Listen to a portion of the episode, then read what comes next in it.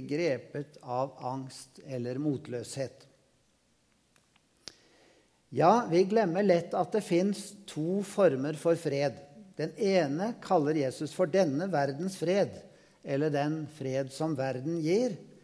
Den andre kalles den himmelske fred, den som Jesus selv har gitt.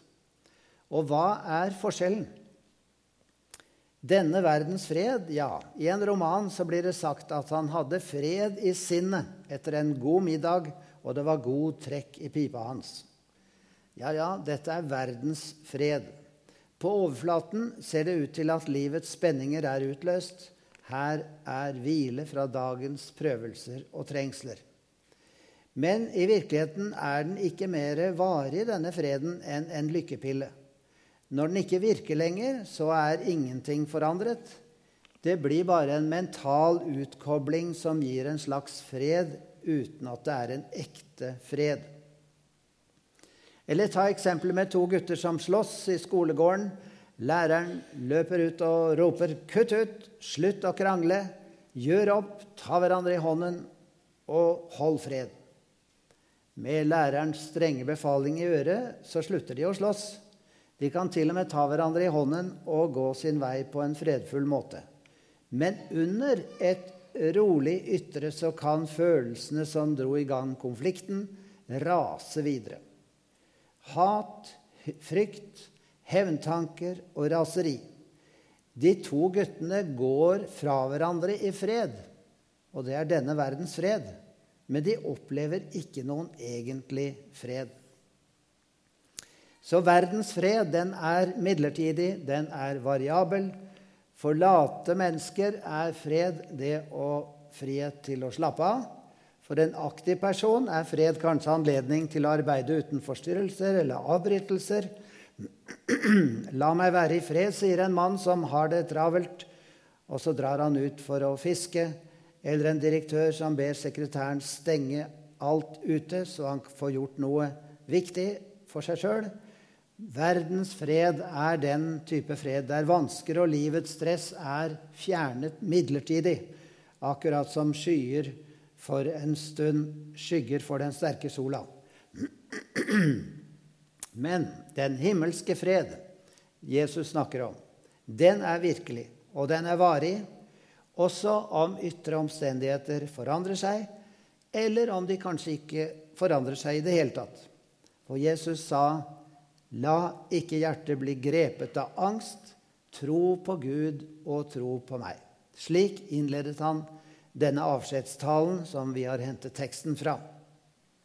Så den sanne og virkelige freden knytter Jesus til troen på Gud og troen på ham selv.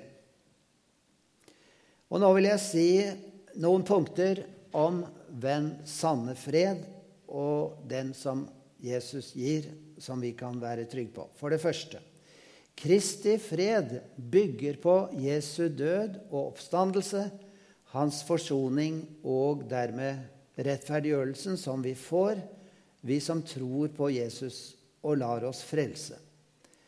Paulus skrev da vi altså er blitt rettferdige ved tro, så har vi fred med Gud ved vår Herre Jesus Kristus.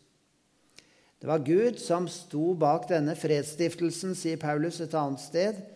Han ville forsone alt med seg selv da han skapte fred ved hans blod på korset. Kolossen 1,20.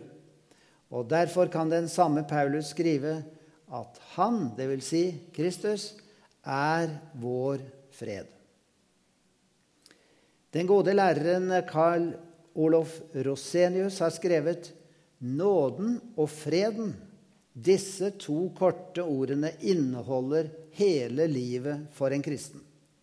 Nåden betyr syndenes forlatelse, og freden betyr en glad og rolig samvittighet. Og Da er jeg over på neste punkt, nemlig Kristi fred som gir en glad og rolig samvittighet, som Rosenius skrev. Det er riktig. Men vi har vanskelig for å gripe denne freden i vår samvittighet og vår vandring i hverdagen. For vi har en tendens til å se på freden som en betingelse for troen. Med andre ord, i stedet for å se freden som en gave, så ser vi den som et bud. Og vi tenker som så hvis du er en kristen, så er du bare nødt til å ha fred. Eller du er ikke en kristen før du opplever fred i hjertet. Men da snur vi tingene på hodet. For når vi kommer fram for Herren med et oppriktig hjerte og full visshet i troen, som det står i Hebrebrevet, da er hjertet renset for en vond samvittighet, sier ordet. Så det er en viktig forskjell på det at Jesus er vår fred, og han gir fred. Og Dette illustreres av predikanten Ludvig Hope, som snakker om et tilfluktsrom inne i fjellet. Hvis du går inn i et sånt tilfluktsrom, så er dette rommet din fred. Selv om krigen raser utenfor, og selv om du ikke opplever fred i følelsene dine. For freden er i tilfluktsrommet, ikke i deg. Så i dette rommet får jeg bo mens ufreden raser, skriver Hope. Jesus er mitt tilfluktsrom. Jeg liker sånne bilder, som dere skjønner, og nå har jeg et annet bilde. og Det er noe merkelig som heter et gyrokompass. Du vet, En snurrebass den kan stå stille. Og hvis du utnytter dette snurrebassprinsippet, så kan du få en sak som står støtt, uansett om de ytre forholdene forandrer seg. Og da kan vi si Kristi kjærlighet er like stabilt som et gyroskop. Samme hvor mange slag og spark, ja, om vi havner fullstendig opp ned, så har vi et aldri sviktende gravitasjonssenter, en usvikelig sentral sannhet. Samme hvor mye verden vrir og vender på oss, så vil Kristi kjærlighet gjøre at vi bringes på plass igjen. Dette er Guds fred. Så for det tredje, Kristi fred det innebærer ikke slutt på alle kamper. Og det er verdt å understreke dette, for den freden som Jesus snakker om, den betyr ikke slutt på konflikt eller andre sånne ting vi har inni oss. Guds fred er likevel en indre styrke og ro som fins der, til tross for bølger som herjer rundt oss eller dypt inni oss. Det er en gammel historie som illustrerer dette poenget. og Det handler om en liten gutt som satt rolig om bord i et skip mens det ble kastet rundt som tannstikker av vinden og bølgene på havet. Og En annen passasjer spurte denne gutten er du ikke bekymret. da? Blir du ikke skremt av denne fæle stormen? Nei, svarte gutten. For hvis jeg sitter her, kan jeg kaste blikket opp på øh, på kapteinen på brua, og det er faren min som er kaptein. Han har brakt dette skipet trygt gjennom mange stormer, og så lenge far er på brua, så vil han føre oss trygt gjennom. Jeg er ikke redd. Og sånn skal vi også få tenke. Far er kaptein. Han står på brua. Han har gjort dette mange ganger før. For det fjerde Kristi fred betyr å godta forholdene slik som de er. Og Da syns jeg det er ofte inspirerende å tenke på Paulus, som satt i fengsel i så mange år. Og nettopp derfra så kunne han skrive så rolig og trygt at jeg hadde lært, og jeg har innviet meg til, å leve med forholdene sånn som de er, sier han. Jeg har lært å klare meg med det jeg har. Jeg vet hva det vil si å ha det trangt, og hva det er å ha overflod. I alt og i alle ting er jeg innviet. Å være mett og være sulten, å ha overflod og å lide nød. Alt makter jeg, eller kan vi si tåler jeg, i Ham som gjør meg sterk. Styrken ligger i Jesus. Freden som Jesus ga til disiplene, den innebar veldig lite tilfredsstillelse til hverdags. Eh, de måtte holde ut eh, forfølgelse, misforståelser og vansker av alle slag. Og kanskje det var derfor Jesus sa, 'Kom til meg, alle dere som strever og har tunge byrder å bære, og jeg vil gi dere hvile'. Merk at han sa ikke 'Kom til meg, alle dere som er tilfreds, som har vært i stand til å unngå spenningene og kampene i livet'. Han ba oss komme hvis vi er trette i livet, og så vil han gi oss hvile. Og Det greske ordet, som heter anapausis, der hører du nesten ordet pause i det greske ordet. pausis. Og Det er oversatt hvile, men det peker i retning av å bli forfrisket og fornyet og få slappe av en liten stund. En pause. Han sier vi kan komme til ham for å få styrke når vi bærer tunge byrder. Og hans løfte er en kraftig fornyelse for dem som har nådd bunnen og fred for dem som kjemper. Og Paulus skrev om freden at den overgår all forstand.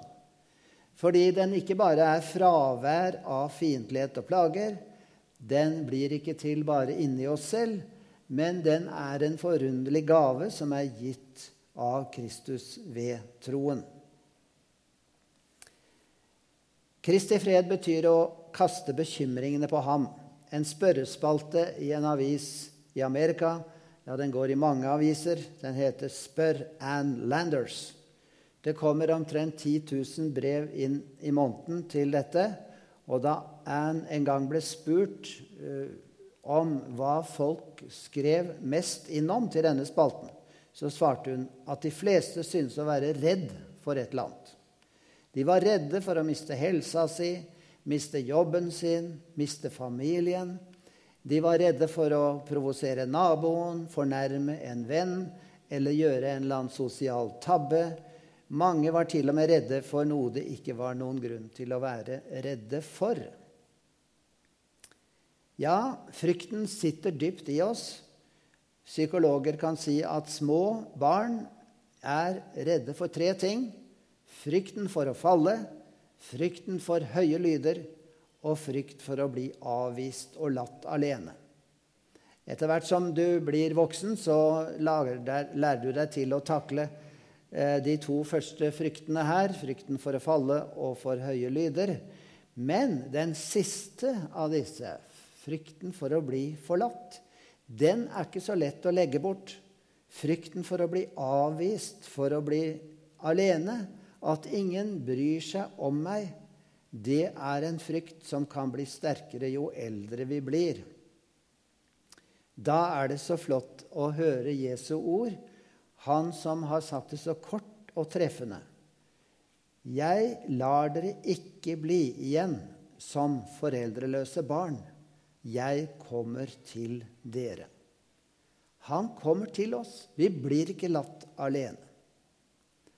Det var en forsker som drev og forsket på hva er de mest betydningsfulle ordene i Bibelen sånn rent følelsesmessig. Og så sa han ja, ja, ja, nå skal jeg lete etter de mest sørgelige ordene.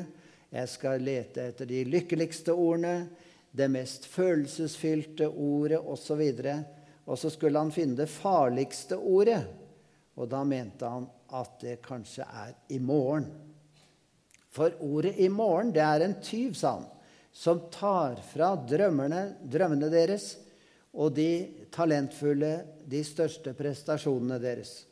Det hindrer menn og kvinner fra å komme til Kristus og oppdage det livet han ønsker at de skal ha. I morgen Predikantens eh, fyrste, han som ble kalt det, predikantenes fyrste, Charles Spurgeon, han ville nok vært enig i det. Han skrev 'I morgen, i morgen, i morgen'. Nei, i morgen kommer aldri. I morgen fins ikke noen kalendere, unntatt i de dummes kalender.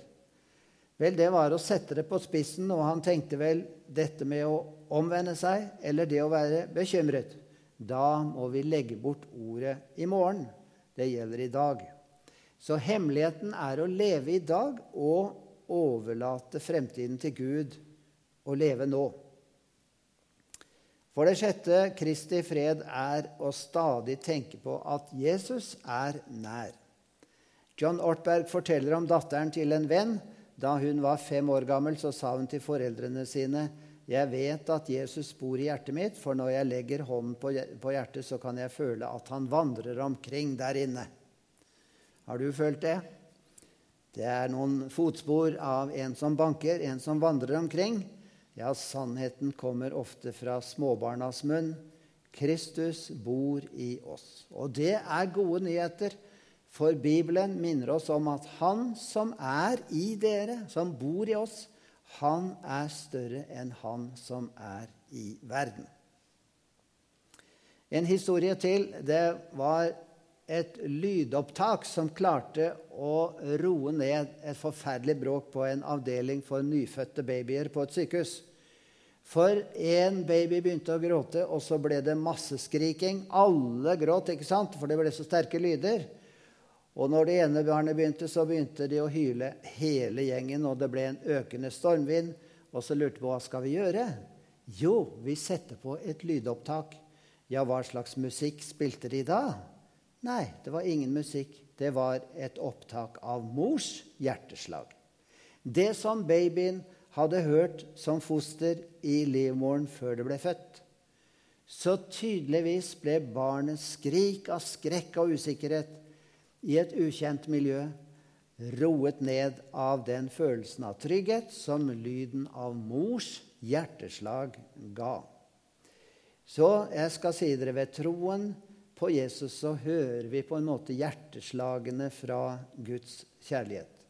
Midt i alle store, små og vanskeligheter som vi kanskje møter hver dag, så trenger vi å stanse opp i vår hvileløse aktivitet og la Guds hellige ånd roe oss ned. Og ved troen hører vi hjerteslagene fra Guds kjærlighet. Vi kan være trygge på at alt er i Guds hånd.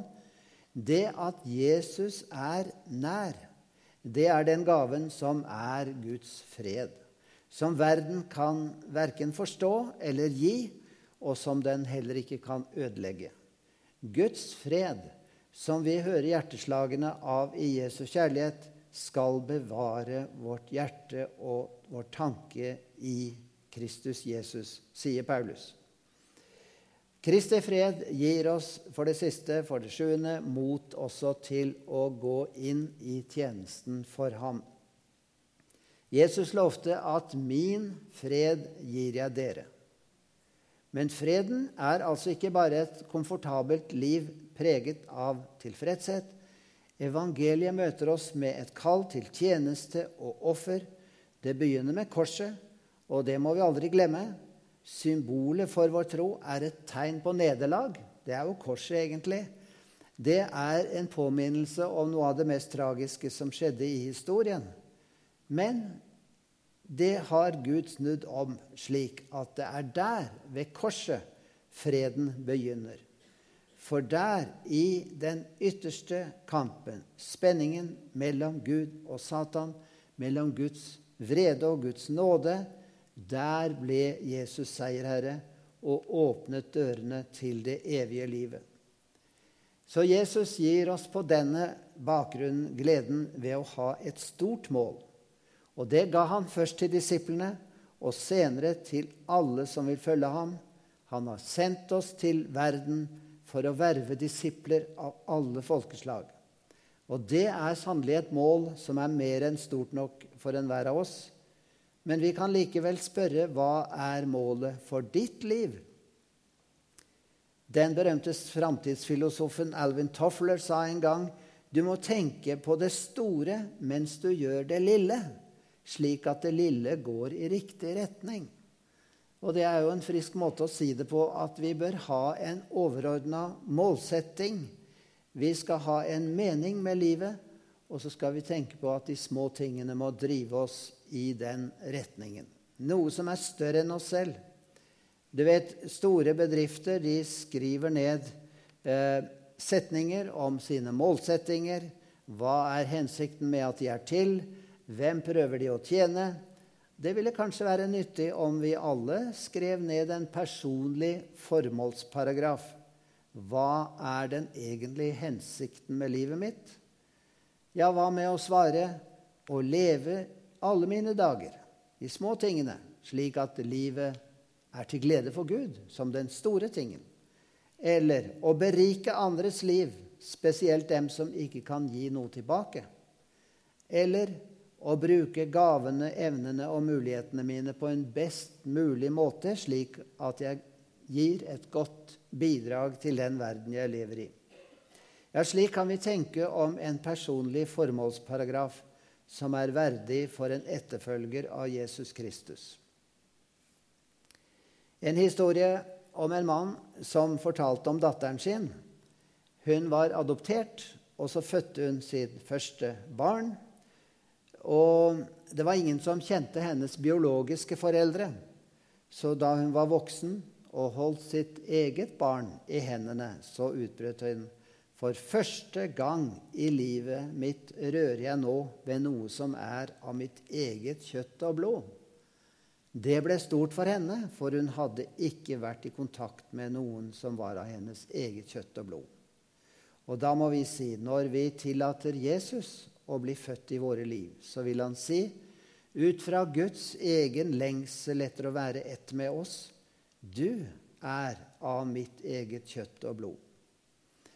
Uten Jesus er vi blitt som foreldreløse barn i universet atskilt fra vår kilde til evig liv. Men Jesus sa, 'Jeg lar dere ikke bli igjen som foreldreløse barn. Jeg kommer til dere.' Der har du freden. Vi er ikke alene. Jesus kommer til oss. Så med disse ordene vil jeg ønske dere et godt nytt år 2018.